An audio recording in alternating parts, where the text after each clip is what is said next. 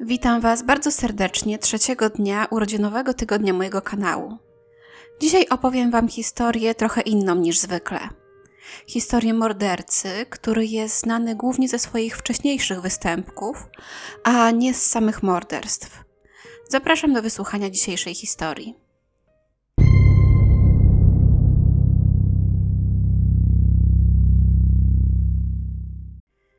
Piętnastoletnia Annie Andrews mieszkała ze swoją ośmioletnią siostrą Jessica i ojcem Brianem w Pepperell w stanie Massachusetts. Rodzina przechodziła bardzo trudny okres, ponieważ niedawno na raka zmarła ich matka. Mimo różnicy wieku, dziewczęta były sobie bardzo bliskie, a strata matki w tak młodym wieku bardzo je do siebie zbliżyła. Niestety Brian musiał zmagać się nie tylko z żałobą po ukochanej żonie, ale również z samotnym rodzicielstwem i do tego musiał więcej pracować, aby samemu utrzymać całą rodzinę. Sprawiło to, że niestety nie mógł spędzać z córkami tyle czasu, ile by chciał, i że dziewczynki bardzo często zostawały same w domu. Właśnie podczas takiego wieczoru w 1986 roku, gdy Annie i Jessica były same w domu, odebrały telefon od pewnego nastoletniego chłopca. Chłopak powiedział, że ma na imię Denny i dostał ich numery od ich wspólnego znajomego z liceum. Później zadzwonił jeszcze kilkukrotnie. Oczywiście Annie była bardzo podekscytowana. Miała 15 lat, więc była w wieku, w którym dziewczęta zdecydowanie zaczynają interesować się chłopakami. Ze swoimi koleżankami bardzo często rozmawiała o randkach, ale dotychczas nie mogła się niestety za bardzo pochwalić własnymi wyjściami. Den zdecydowanie wydawał się być chłopakiem, którym mogłaby się pochwalić przed przyjaciółkami. Zwłaszcza, że powiedział, że jest wysokim i wysportowanym blondynem. W końcu Eni i Denny umówili się na randkę. Gdy jednak rozdzwonił się dzwonek do drzwi i Eni zobaczyła, kto przyszedł, bardzo się zdziwiła. Zamiast przystojnego, wysportowanego blondyna, zobaczyła nastolatka o tłustych, ciemnych włosach z trądzikiem i ogólnie wyglądającego na dość zaniedbanego. Mimo to dziewczyna nie chciała mu zrobić przykrości i zdecydowała się pójść z nim do miasta na lody. W końcu mogło się przecież okazać, że mimo rozczarowania wyglądem, chłopak okaże się z charakteru wręcz wymarzonym chłopakiem dla niej. Tak się jednak nie stało.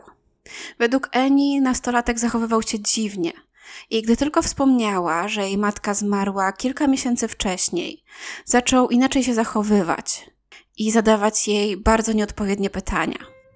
Na wieść o śmierci kobiety jego oczy jakby nagle rozjaśniały, a on sam stał się bardzo ożywiony. Zaczął wypytywać ją o szczegóły śmierci jej matki i o to, czy bardzo cierpiała zanim zmarła. Pytania zdecydowanie nie na pierwszą randkę i zdecydowanie nie do nastolatki pogrążonej w żałobie po śmierci kogoś tak bliskiego jak własna mama. Eni zdecydowała się zakończyć randkę już po godzinie i wrócić do domu. A gdy Denny jeszcze kilkukrotnie do niej zadzwonił, nie odbierała. Nie chciała mieć z nim nic wspólnego i sądziła, że już nigdy więcej go nie zobaczy. Według niektórych źródeł jeszcze tego samego wieczoru co nieudana randka, a według innych niedługo później, Annie i Jessica postanowiły przywołać ducha swojej zmarłej matki. W tym celu udały się do piwnicy, gdzie zapaliły świece, trzymały się za ręce i zaśpiewały kilka piosenek. Generalnie podczas tego seansu nie wydarzyło się nic nadzwyczajnego, żadnych nadprzyrodzonych zjawisk. Gdy ojciec wrócił do domu z pracy, dziewczęta szybko zakończyły swoje wywoływanie duchów, żeby o niczym się nie dowiedział. Jednak niedługo później zaczęły się dziać dziwne rzeczy. Annie i Jessica zaczęły słyszeć pukania w ścianach swoich sypialni. Początkowo uważały, że faktycznie udało im się skontaktować z duchem swojej matki, ale niedługo później zaczęły wierzyć, że przywołały na ziemię coś znacznie bardziej strasznego i złowieszczego. Zaczęły słyszeć pukanie w ścianach o różnych porach dnia i nocy. Często je budziło o różnych późnych godzinach. Z biegiem kolejnych dni z domu zaczęły znikać różne rzeczy, a przedmioty, które jednego dnia leżały na stole, kolejnego były porozrzucane po podłodze. Raz nawet po powrocie do domu zobaczyły, że meble zostały przeniesione z jednego kąta pokoju do drugiego. Oczywiście dziewczęta powiedziały o swoich przypuszczeniach swojemu ojcu, ale ten im nie uwierzył. Sam nie doświadczył żadnego pukania, ani żadnej z sytuacji opisanych przez jego córki. Brian zaczął przepisywać to wszystko wyobraźni swoich córek i uważał, że w ten sposób wyrażają żal i smutek po śmierci swojej matki. Tymczasem Annie i Jessica coraz mocniej odczuwały skutki tego, co ich zdaniem sprowadziły na ziemię. Pewnego styczniowego wieczoru 1987 roku znów usłyszały pukanie. Jednak tym razem wydawało się, że to pukanie nie pochodzi ze ścian, ale z piwnicy. Siostry wzięły więc noże i ostrożnie zaczęły schodzić do piwnicy. Tam na ścianie czekała na nie wiadomość, która wydawała się być napisana krwią. Głosiła: Jestem w twoim pokoju. Przyjdź i znajdź mnie. Oczywiście dziewczęta nie zamierzały niczego znajdować i zamiast tego wybiegły z domu z krzykiem i pobiegły do swojego sąsiada. Tam czekały, aż ich ojciec wróci z pracy. Mężczyzna po powrocie do domu poszedł prosto do piwnicy i znalazł tam napis, o którym mówiły jego córki. Nie był on jednak napisany krwią, ale keczupem. Brian ponownie uznał, że to po prostu skutek wołania o uwagę i żałoby, z którą jego młode córki nie są w stanie sobie poradzić w inny sposób. Po tym wydarzeniu dziwne zjawiska w domu na chwilę ustały, ale kilka tygodni później miało miejsce bardzo podobne wydarzenie. Dziewczyny ponownie usłyszały pukanie, ale tym razem dobiegało ono jakby ze ścian pokoju Ani. Gdy zajrzały do pomieszczenia, zobaczyły na ścianie krwisto-czerwony napis głoszący: Wróciłem, znajdź mnie, jeśli potrafisz. Siostry ponownie uciekły z krzykiem do swojego sąsiada, gdzie czekały, aż ich ojciec wróci z pracy. Brian po powrocie z pracy ponownie poszedł pewnym krokiem do domu, żeby udowodnić, że nikogo w nim nie ma i że to wszystko tylko wymysł jego córek. Jednak gdy wszedł do budynku, zauważył, że panuje tam znacznie większy nieład niż zwykle. Mężczyzna wszedł do pokoju swojej starszej córki i zobaczył, że na ścianie napisana jest jeszcze jedna wiadomość. Taka, o której jego córki nie wspominały. Napis brzmiał: Wyjdź za mnie. W tym momencie Brian usłyszał jakiś odgłos w kącie pokoju i gdy tam spojrzał, zobaczył nastoletniego chłopaka w blond peruce, z makijażem i w sukience jego zmarłej żony. Według niektórych źródeł była to wręcz suknia ślubna jego zmarłej żony. W ręce nastolatek trzymał siekierę. Nie jest jasne, czy doszło do jakiejś szarpaniny, chłopak obezwładnił Briana i ten na chwilę się przewrócił, czy stracił przytomność, czy stało się to w jakiś inny sposób, ale nastolatek mu uciekł. Według mężczyzny wyglądało to tak, jakby w jednej chwili był w pokoju, a w drugiej już go tam po prostu nie było. Oszołomiony Brian wezwał policję. Funkcjonariusze przyjechali chwilę później i natychmiast zabrali się za przeszukiwanie domu. Początkowo uznali, że chłopak musiał uciec, ponieważ nie mogli go znaleźć w żadnym zakamarku domu. Ale w pewnym momencie jeden z policjantów zauważył małą lukę pomiędzy ścianą a szafką w sypialni Eni. Po odsunięciu mebla zobaczył kulącego się w szczelinie nastolatka. A tym nastolatkiem był właśnie Denny, a właściwie Daniel Laplante, czyli chłopak, z którym Eni umówiła się na randkę kilka miesięcy wcześniej. Okazało się, że chłopak ukrywał się w ścianach ich domu. Co więcej, zrobił sobie nawet kilka małych otworów, przez które mógł stale obserwować, co robią poszczególni członkowie rodziny. Daniel mógł przebywać tam nawet od kilku tygodni. Policjanci znaleźli w jego kryjówce różne przedmioty.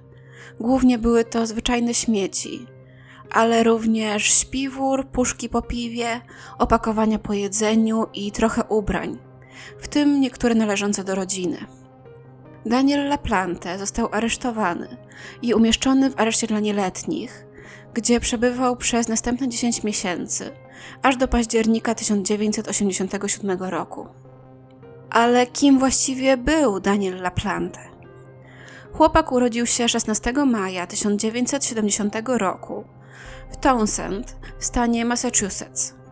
Mieszkał tam z matką, ojczymem i dwójką braci. Niestety nie wiemy zbyt wiele o jego wczesnym dzieciństwie i rodzinie. Wiemy natomiast, że jego dzieciństwo z pewnością nie było łatwe i szczęśliwe. Daniel był maltretowany fizycznie, psychicznie i seksualnie przez swojego ojca, a później przez swojego ojczyma. Szkoła również nie była dla niego wytchnieniem. Cierpiał na dysleksję, w której nie oferowano mu właściwie żadnej pomocy czy wsparcia. Dodatkowo nie miał też raczej żadnych przyjaciół. Ciężko zresztą nawiązać przyjaźnie, gdy codziennie przychodzi się na lekcje śmierdząc i nosząc brudne ubrania. Koledzy ze szkoły określali go jako przerażającego i dziwnego. W końcu Daniel został wysłany do psychiatry, który zdiagnozował u niego zespół nadpobudliwości. Niestety nawet gabinet psychiatry nie był dla niego żadną bezpieczną przystanią. Mężczyzna zaczął wykorzystywać go seksualnie, co trwało przez kilka miesięcy. W końcu Daniel zaczął włamywać się do różnych domów i kraść z nich różne małe przedmioty. Lubił też przestawiać różne rzeczy, żeby właściciele mieli zagwostkę, co się stało. Żeby myśleli, że ich dom może jest nawiedzony lub że może tracą zmysły. Dawało mu to bardzo dużą przyjemność. Najprawdopodobniej tak właśnie zdobył numer telefonu do Eni. Przypuszcza się, że po prostu wcześniej włamał się do ich domu, a później nabawił się wręcz czegoś na wzór obsesji na punkcie dziewczyny.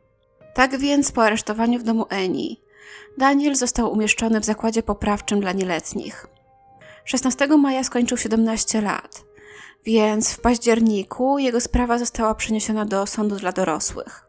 To umożliwiło mu wyjście z aresztu za kaucją, przy której wpłacie pomogła mu matka.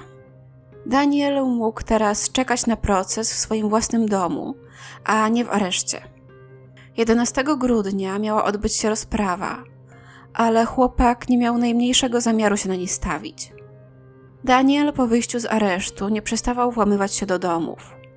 Z jednego z nich ukradł nawet dwa pistolety, to właśnie z jednym z tych pistoletów 1 grudnia 1987 roku włamał się do domu oddalonego o pół mili od domu jego matki.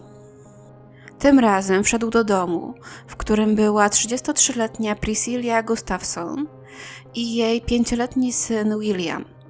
Priscilla pracowała jako nauczycielka w przykościelnym przedszkolu, śpiewała w kościelnym chórze i była w ciąży z trzecim dzieckiem. Opisywana była jako wyjątkowo słodka i opiekuńcza. W domu mieszkała jeszcze siedmioletnia Abigail, która w tym czasie była w szkole, i 34-letni Andrew, który był w pracy. Nie jest do końca jasne, jak potoczyły się wydarzenia tamtego popołudnia. Przypuszcza się, że Daniel najpierw zabrał Priscillię na piętro do sypialni, gdzie ją pobił i zgwałcił. Następnie położył jej na głowę poduszkę i dwukrotnie do niej strzelił.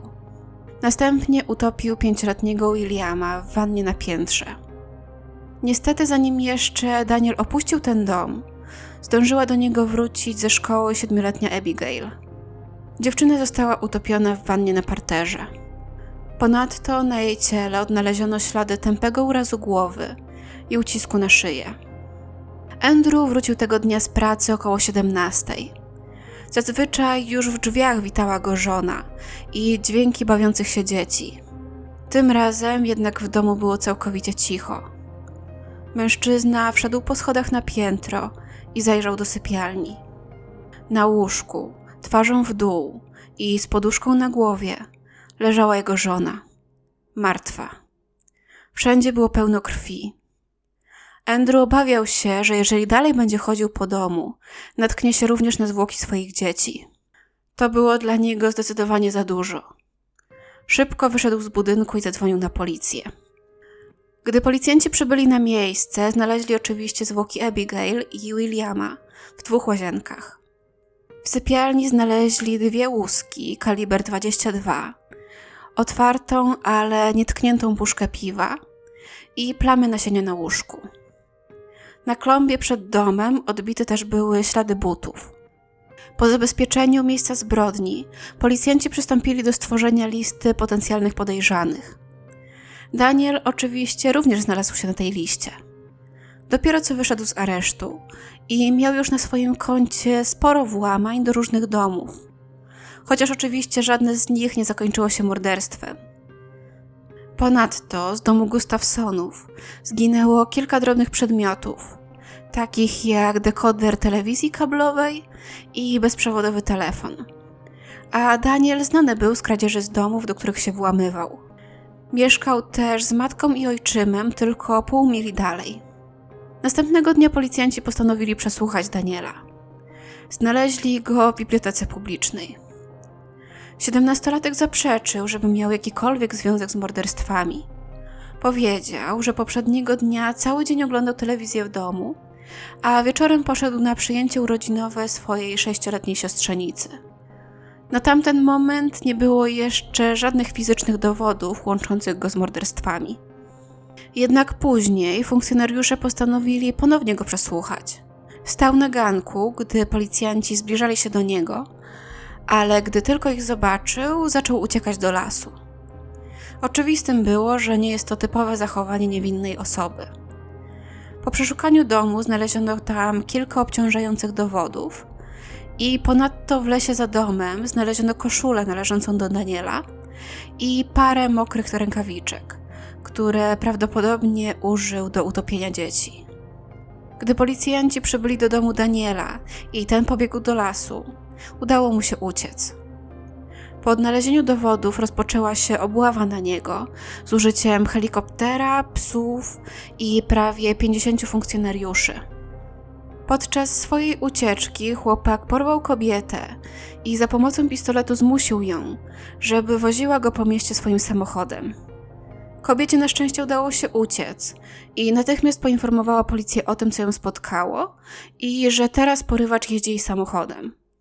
W tym czasie trzy inne osoby również zgłosiły, że go widziały. Ostatecznie, 3 grudnia około godziny 18.30 Daniel został odnaleziony. Ukrywał się na śmietniku przy składowisku drewna. W bieliźnie miał schowany pistolet. Podczas swojego aresztowania podobno historycznie się śmiał. Jego proces rozpoczął się w październiku 1988 roku, gdy skończył już 18 lat i miał być sądzony jako dorosły. Nie przyznawał się do żadnego z trzech morderstw. Chłopak zachowywał się tak dziwnie, że poddano go nawet badaniom psychiatrycznym, jednak te wykazały, że jest zdolny do stanięcia przed sądem. Prokurator wezwał przed sąd aż 50 świadków, w tym licznych członków rodziny Daniela. Podczas całego procesu osiemnastolatek zachowywał się wręcz skandalicznie. Nie okazał nawet najmniejszych wyrzutów sumienia i przez cały czas na jego twarzy malował się uśmieszek. Ostatecznie Daniel został uznany za winnego. Podczas przedstawienia wyroku sędzia powiedział: Są tacy, którzy powiedzieliby, że powinieneś otrzymać ten sam wyrok, który nałożyłeś na rodzinę Gustafsonów, czyli śmierć przez powieszenie. W Massachusetts nie było jednak kary śmierci, więc chłopak został skazany na najsurowszą karę, jaką można było mu zasądzić, czyli potrójne dożywotnie pozbawienie wolności. W 1993 Daniel odwoływał się od tego wyroku, twierdząc, że nie powinno się wydać nakazu przeszukania jego domu, a to właśnie dowody znalezione tam doprowadziły do jego skazania. Apelacja została jednak odrzucona. Daniel zdecydowanie nie był łatwym więźniem. W 2000 roku wniósł o przeniesienie go do pojedynczej celi, ponieważ dostawał groźby od współwięźniów. Został przeniesiony, ale przez to stracił możliwość do korzystania z biblioteki, więc zaskarżył o to zakład karny. Ostatecznie otrzymał 450 dolarów odszkodowania za odmówienie mu jego praw. W 2013 roku twierdził natomiast, że w więzieniu nie może właściwie praktykować swojej wiary. Został wikkaninem, a odmówiono mu dostarczenia olei rytualnych niezbędnych do praktykowania jego wiary. Zażądał na przykład smoczej krwi, czarnego opium, wiciokrzewu i ciasta marchewkowego. Jednak ludzie, którzy faktycznie praktykowali tę religię, powiedzieli, że te rzeczy wcale nie są potrzebne do praktykowania, a jeden z przywódców powiedział nawet, że ta religia czasem przyciąga szalonych ludzi. Daniel próbował wnieść apelację również w 2017 roku. Podczas rozprawy powiedział: Słowa nie mogą w pełni oddać tego, co zrobiłem. Zabiłem troje niewinnych ludzi. Przeze mnie pięciolatek nigdy nie skończy sześciu lat. Siedmioletnia dziewczynka, która nigdy nie skończy ośmiu. Kobieta, która nigdy nie będzie mogła urodzić trzeciego dziecka. Obrabowałem nienarodzone dziecko z pierwszego oddechu. Mąż nigdy więcej nie mógł usłyszeć od swojej rodziny: Kocham cię. Nie mam słów, aby w pełni wyrazić mój głęboki smutek. Ale naprawdę przepraszam za krzywdę, którą wyrządziłem. Z samej istoty tego, kim jestem, z głębi mojej duszy przepraszam. Mimo tych słów, psychiatrzy orzekli, że Daniel Laplante jest człowiekiem niezdolnym do emocji i uczuć.